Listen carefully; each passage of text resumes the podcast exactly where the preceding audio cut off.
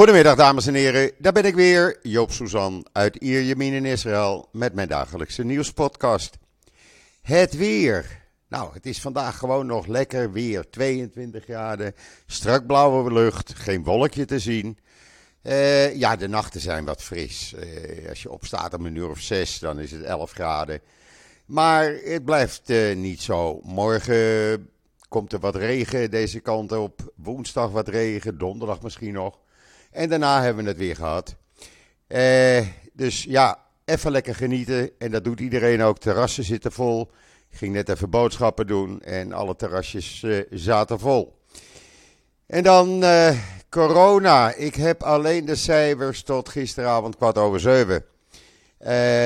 Daar vallen twee dingen op. Ten eerste, tot kwart over zeven gisteravond meldde men 845 nieuwe besmettingen. Wat wel opviel is dat 18,25%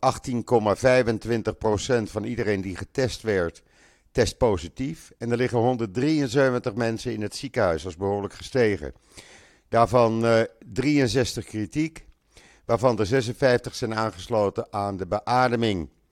Het dodental als gevolg van COVID stond tot kwart over 7 gisteravond op 11.906. Zodra er nieuwe cijfers binnen zijn, zal ik die op social media zetten en in Israël nieuws. En dan heeft de IDF weer uh, zijn werk gedaan. Uh, in eerste instantie heeft men in Jenin drie gezochte terreurverdachten opgepakt. Daarbij werd geschoten door Palestijnen. IDF schoot terug. En het, volgens de Palestijnen is een meisje van 16 jaar, wat op een dak naar de gevechten stond te kijken, geraakt en overleden. IDF uh, zegt ervan op de hoogte te zijn en de zaak in onderzoek te hebben. De video is te bewonderen, is te bekijken op israelnieuws.nl, waar je ook een video kan zien van een andere actie in Judea en Samaria, waarbij in verschillende plaatsen 15 terreurverdachten zijn opgepakt en ook wapens en militaire uitrusting in beslag is genomen. Uh, uitgebreide video in dat artikel op Israël Nieuws. En dan Hashomer Hagadash. Die uh, houdt de herinnering aan terreurslachtoffer Eli K. levend. En dat doen ze wel op een heel speciale manier. Een jaar geleden werd Eli K., toen hij naar de klaagmuur liep, doodgeschoten. Hij, uh, Eli K. was een 26-jarige Zuid-Afrikaanse nieuwe emigrant die tijdelijk wat werk deed bij de klaagmuur. Hij uh, hield van Israël. Hij deed ook veel voor de jeugdvereniging Hashomer Hagadash. En men uh, herdenkt hem dit jaar door middel van allerlei educatieve en agrarische activiteiten. Uh, in, op de manier zoals hij dat ook deed. het artikel in israelnieuws.nl. Ik vind het een heel mooi initiatief, moet ik zeggen.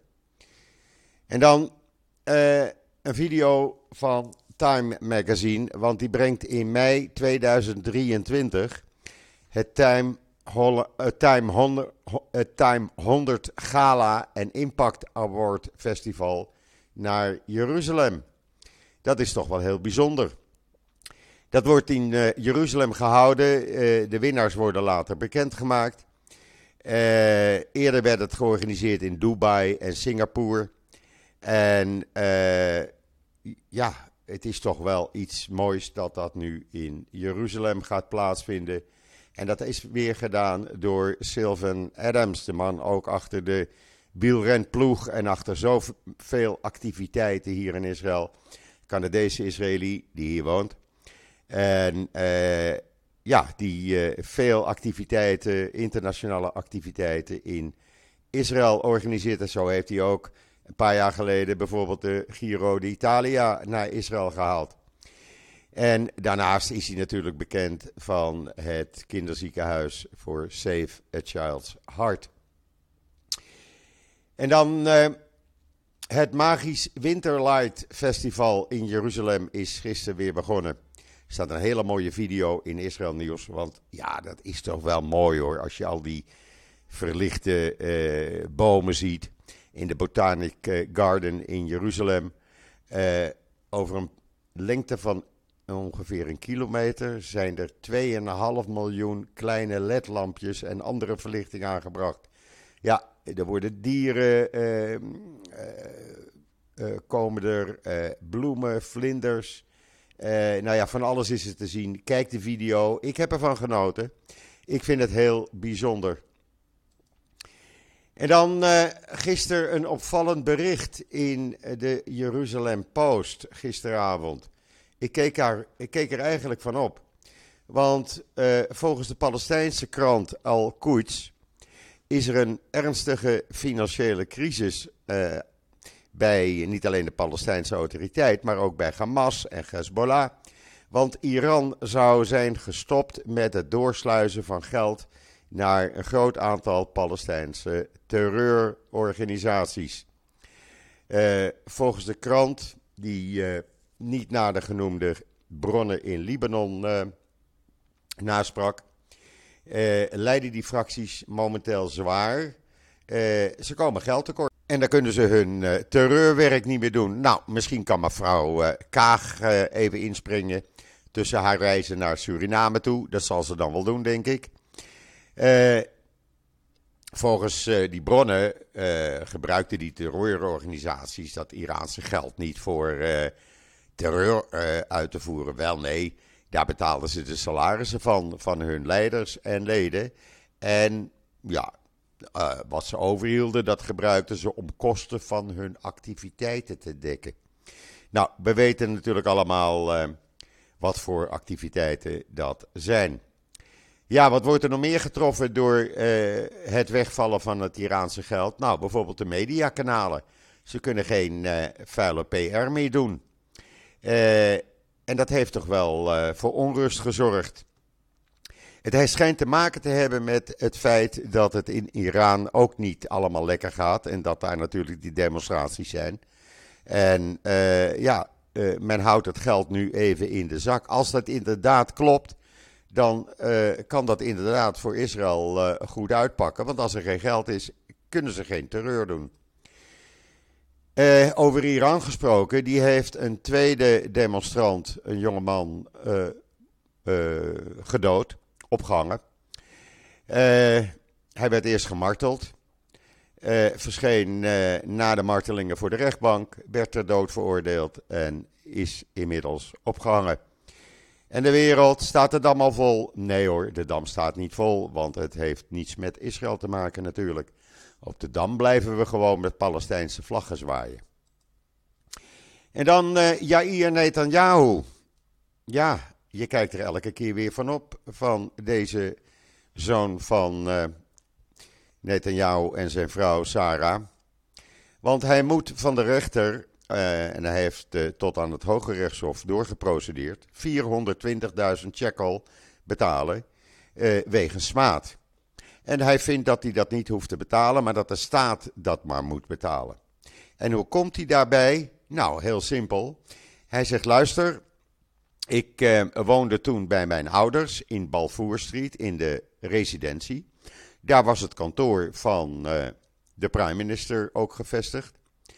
Uh, die hebben dat in uh, ontvangst genomen en niet aan mij doorgegeven. Nou, de rechter geloofde daar al eerder niets van. Maar hij blijft dat volhouden.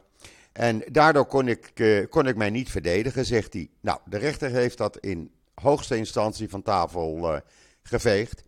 Maar hij blijft het volhouden en hij vindt nu dat de staat 125.000 euro moet betalen. want hij, ja, Ten eerste heeft hij dat geld niet, zegt hij. En ten tweede, de staat heeft het, uh, de procedurestukken niet aan hem doorgegeven. Hoe komt hij erbij, zou je zeggen? Maar goed, we zullen kijken wat hij nog meer uh, gaat verzinnen. Want uh, om leugentjes, ach, hij doet niet onder voor zijn vader en moeder, zullen we maar zeggen. Ja, en dan begint vandaag de tiendaagse periode. Eigenlijk is die gisteren al begonnen, tot woensdag 21 december. Dan moet Netanyahu zijn regering uh, klaar hebben en presenteren aan de president. Of dat gaat lukken? Nou, er komen vandaag.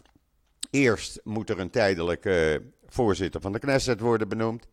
Dat wordt meneer Levin van de Likud. Maar daar rommelt het al over binnen de Likud, want die zeggen: hé, hey, wacht even, meneer Levine, dat is niet tijdelijk. Die heeft het al een keer gedaan. En die heeft zo vaak de tas uh, gedragen van Netanyahu, zijn koffertje. Die mag uh, waarschijnlijk wel definitief voorzitter blijven. En dan komen wij weer niet aan bod. Dus uh, daar is men het niet over eens. Daar moet Netanyahu vandaag verder over praten binnen de Likud. Dat gaat hij vanmiddag doen, eind van de middag. Uh, dan komen er drie uh, wetsvoorstellen op tafel. En daarvan heeft de oppositie, dat is Gans, Lapid en iedereen die nu in de huidige regering nog zit, gezegd van wij gaan er alles aan doen om dat zo veel mogelijk te vertragen door amendementen, door vragen. We hebben een vertragingstactiek. Want die drie voorstellen, dat gaat ten eerste om meneer Benkwier, de man die 53 keer gearresteerd was door de politie. Uh, die wil het volledige gezag over de politie hebben. Dat wil zeggen, alles wat nu in handen van de landelijke politiecommissaris is, wil meneer Benkwier hebben. Daarnaast uh, moet er een wet uh, worden veranderd om de twee keer veroordeelde belastingfraudeur, meneer Deri van de orthodoxe Sjaspartij, minister te kunnen worden. Eerst van uh, Volksgezondheid en Binnenlandse Zaken en twee jaar later Financiën. Mag hij nog een keer frauderen? Ik heb dat gisteren uitgelegd. En ten tweede wil de minister van religieus Zionisme, wil een zitting hebben binnen het ministerie van Defensie. Hoe vind je die? Jawel, eh, dat kan allemaal. En dan komt er nog een wet, daar wordt niet over gesproken, maar die ligt al op tafel. Waarin een zittend premier niet voor de rechter kan verschijnen.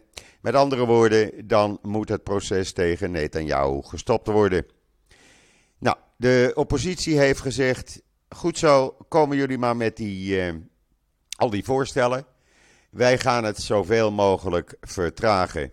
Want wat jullie aan het doen zijn, dat zint ons helemaal niet. En eh, wij proberen door deze vertragingstactiek te bereiken dat Netanyahu niet op 21 december een regering kan presenteren. Eh, het risico is dat het land dan of weer nieuwe uh, verkiezingen krijgt, of misschien kan, mag Gans het gaan proberen voor een minderheidsregering. Eh, maar goed, er moeten allerlei commissies eh, opgericht worden. Want zo werkt dat in Israël. Als er een wetsvoorstel ligt, voordat het naar de Knesset gaat, wordt dat in een commissie voorbereid.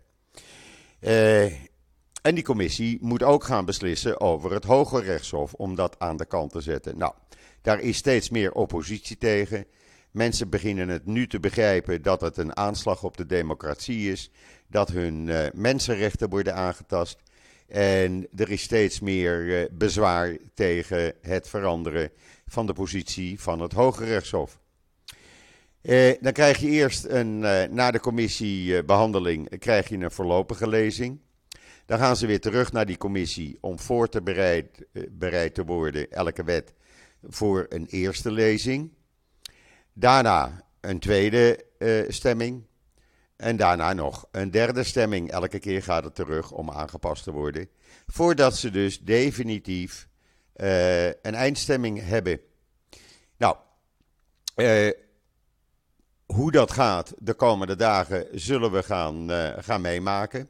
De procureur-generaal, daar is meneer Ben niet blij mee. Omdat hij tegen zijn idee is om volledige macht over de politie te hebben. Zij zegt, je moet dat in handen van de landelijke politiecommissaris geven. Je bent minister, je bent geen commissaris van politie. Uh, dus die zal proberen ook die procureur-generaal uh, uh, te ontslaan. dat is iets wat de komende weken in stemming zal komen. kijken wat Lapid en Gans gaan doen. Daar hangt het nu van af. Inmiddels heeft gisteren Smotrich uh, tegen Netanyahu gezegd: luister, wat jij wil om alles even voorlopig op papier te zetten, daar, uh, dat wil ik niet. Want ik vertrouw jou gewoon niet. Ik wil alles zwart op wit, tot in de kleinste details, zodat je je later niet meer met een of ander smoesje eraf de wetten weer kan veranderen.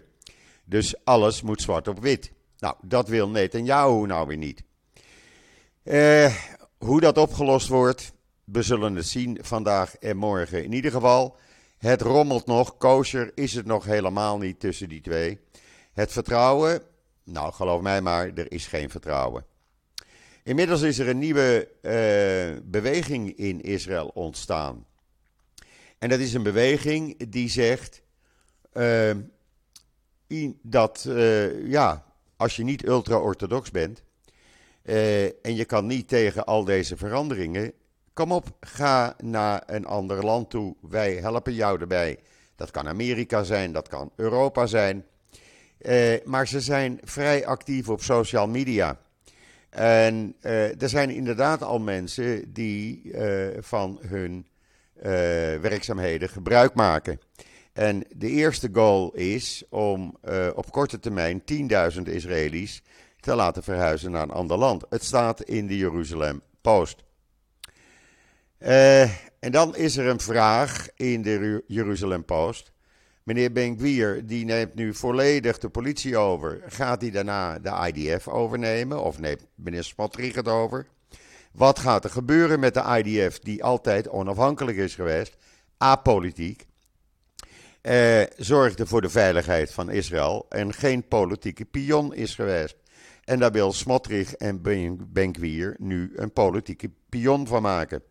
Hoe dat gaat, we zullen het zien. In ieder geval, die analyse kan je lezen in uh, de Jeruzalem Post. Waar je ook kan lezen dat de leider van de grootste christelijke organisatie in Israël, uh, de christelijke ambassade in Jeruzalem, heeft Netanyahu gewaarschuwd dat de christelijke organisaties die zijn bezorgd over een aantal coalitiepartners, wat zij willen in, uh, zodra zij uh, minister zijn in de nieuwe regering.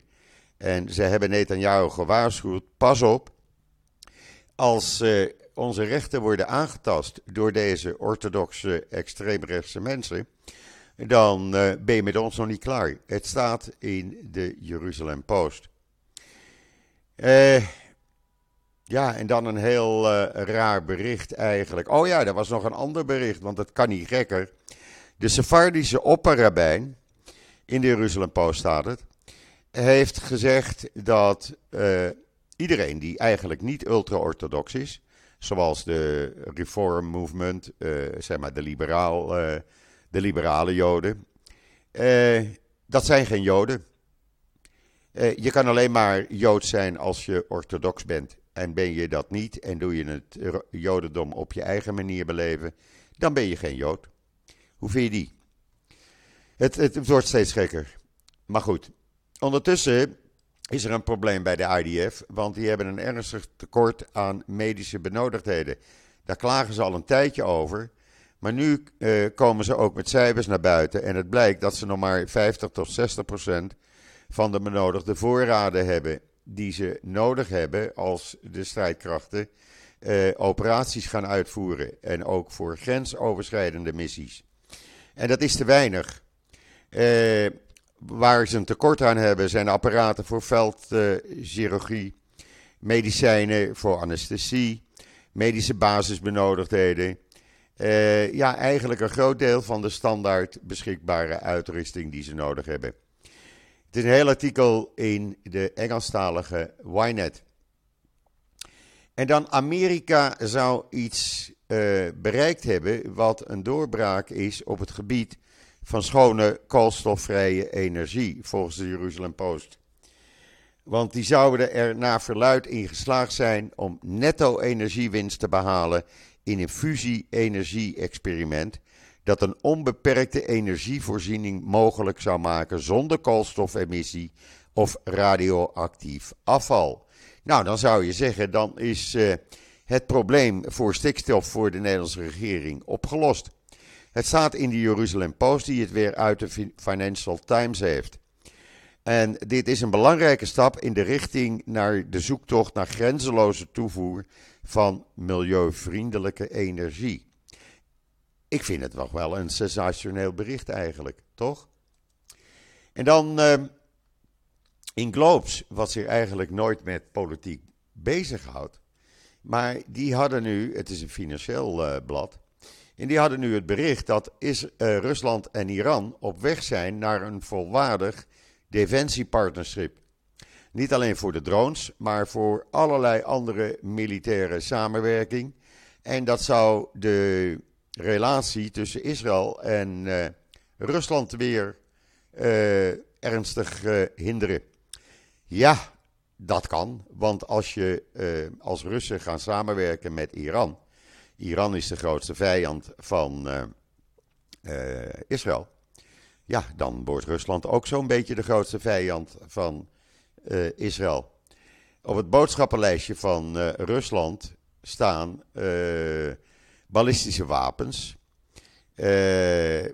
Niet, en de drones natuurlijk.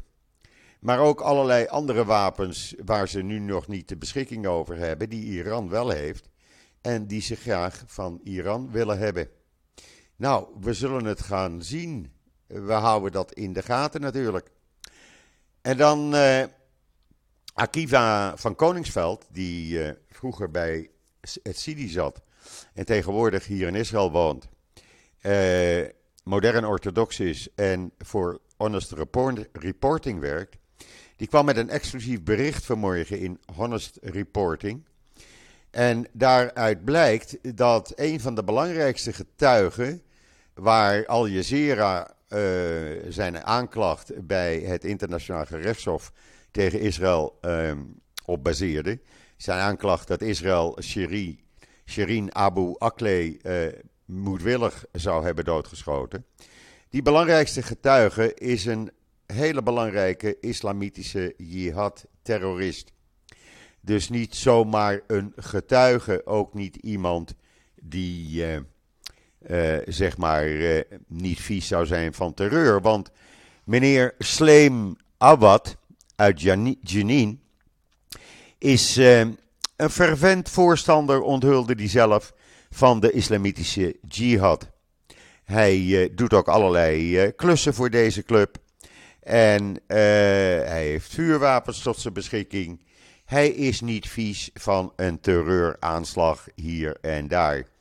En daar is dan het belangrijkste getuigenis van Al Jazeera op gebaseerd. Nou, daar kunnen we nog lol mee beleven. Ondertussen heeft Hezbollah geen lol, want die zijn bang voor een spoedige Israëlische aanval. En die zijn al hun wapens en manschappen in Syrië aan het verplaatsen naar zwaar bewapende en versterkte opslagplaatsen. Men is uh, doodsbenauwd dat er binnenkort een aanval op Hezbollah in Syrië wordt uitgevoerd door de IDF. Nou, ik zou zeggen, IDF, ga je gang maar. Uh, we zullen het zien. RDF heeft gisteren wel pamfletten verspreid rond Cunetra. Waarin ze de bewoners waarschuwden uh, te stoppen met het helpen van Hezbollah. Uh, want doen ze dat niet, dan zijn, ben je als bewoner verantwoordelijk voor de schade veroorzaakt door jullie ondoordachte beslissingen. Al dus de pamfletten van de IDF. En dan pro-Palestijnse activisten hebben ingebroken in een uh, wapenfabriek, een Amerikaanse wapenfabriek in Wales, in Engeland. Daar hebben ze de computers kort klein geslagen, rode verf op de buitenkant van het gebouw gespoten. Want die wapenfabriek die levert militair materieel aan Israël en dat wordt gebruikt bij de bezetting van de Palestijnse gebieden. Ja, nou, ze hebben beloofd dat ze hun actie zo lang mogelijk zullen gaan doorzetten, zolang die wapenfabriek wapens aan Israël blijft voeren. Dus nu ook in Engeland. En dan een Israëlisch bedrijf uit Sederot, Topgum. Ja, Topgum. Heeft een deal voor vijf jaar afgesloten met een van de grootste internationale firma's om gummy-supplementen uh, voor dat bedrijf te leveren. dat zijn voedingssupplementen die ze dan voor deze multinational gaan ontwikkelen en leveren. En die zullen dan in heel Europa en Amerika op de markt worden gebracht. Nou, dat is natuurlijk hartstikke mooi voor dit bedrijf, want die kunnen het werk niet meer aan. Hartstikke mooie deal. Ik, ja, en helemaal leuk, omdat het een bedrijf uit Sudderot is. En dan voor de dames onder de luisteraars, voornamelijk de dames dan in, in Israël.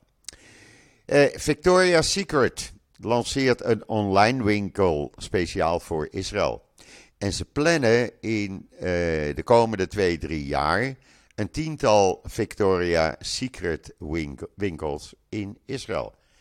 Ja, Israël, uh, uh, de Israëlische vrouwen kunnen er ook van uh, profiteren. En je kan het ook online bestellen in het Hebreeuws. Is natuurlijk hartstikke mooi. Nou heb ik de laatste tijd, of de laatste dag eigenlijk, veel vragen gekregen naar aanleiding van onder andere die column van mijn broer. Heb je hem nog niet gelezen? Ik ga hem even lezen. Hij staat op Israël Nieuws, Marokkaantjes.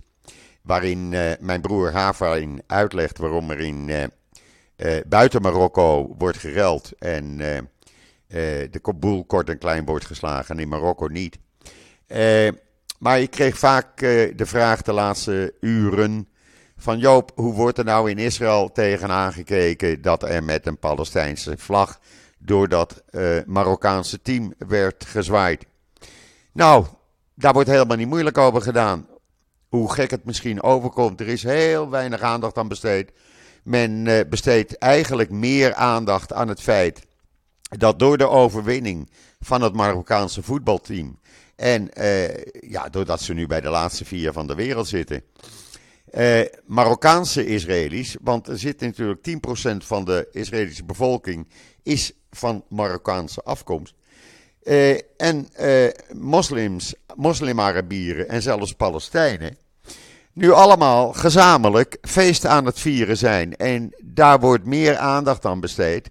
Dat wat diplomaten niet voor elkaar kregen, dat voetbalteam wel voor elkaar kreeg. En ik zal je eerlijk zeggen, ik zat gisteravond, uh, mijn zwager was hier in Natanja. En toen zei we, hij nodigde me uit om uh, samen met zijn vrouw een hapje te gaan eten. Hebben dan ook gedaan. Hij voor het eerst gisteren in zijn leven kosher Jap Japans gegeten. Hij had nog nooit Japans gegeten. En er zit bij mij in de buurt een Japans uh, restaurant, heel goed, kosher. Dus hij kon daar eten. Nou ja, de man, er ging een hele nieuwe wereld voor hem en zijn vrouw open. Maar in ieder geval, toen zaten we zo te praten. En toen zegt hij: Ja, Joop, ik ga volgend jaar met mijn uh, kinderen en een aantal kleinkinderen naar Casablanca om te laten zien waar mijn roots liggen. En toen heb ik meteen een van de zoons opgebeld van mijn overleden meisje. Ik zeg: Jongens ik zeg, wij zouden dat ook moeten doen. Dan kunnen jullie ook zien waar je moeder vandaan komt. En de kleinkinderen kunnen het zien. En zo duur is het tegenwoordig niet meer. En je kan er rechtstreeks naartoe vliegen. En dan gaan zo'n 25.000 uh, Israëli's uh, per maand naar uh, Marokko toe. En die hebben geen enkel probleem daar. Dus het plan is nu om te kijken. We hebben de eerste stappen gezet om dan met z'n allen te gaan. En dan een, eh, een, week of twee of twaalf dagen door Marokko te reizen, Casablanca en Rabat en andere plaatsen. Gewoon te laten zien aan de kleinkinderen, hier komen de roots van je grootouders, van je grootmoeder vandaan. En van je vader, van je vader natuurlijk. Is natuurlijk speciaal, want het huis staat er nog steeds. En we hadden het plan al, mijn meisje en ik, voordat zij ziek werd. Daar is toen niks van gekomen. Dus ja, dit is een mooie gelegenheid om dan met mijn zwager en zijn eh, kinderen en kleinkinderen te gaan. Ja, dan maar een grote bus huren. Het zou wel een sensatie zijn. Dus we hebben weer een nieuwe uitdaging. Hoe vind je die? Ik hou jullie daar natuurlijk van op de hoogte. Dan zie ik eh, tot mijn verbazing dat ik al een half uur aan het kletsen ben. Dus ja, eh, ook vanavond geen voetbal natuurlijk. Het, eh, het is wel afkicken, moet ik zeggen. Maar goed, we genieten even van het weer. Ik wens iedereen nog een fijne voortzetting van deze maandag, de 12e van de 12e. Eh, geniet van uh, het voetballozen. Kan je wat andere dingen doen. Ik ben er morgen weer. En zeg zoals altijd: tot ziens. Tot morgen.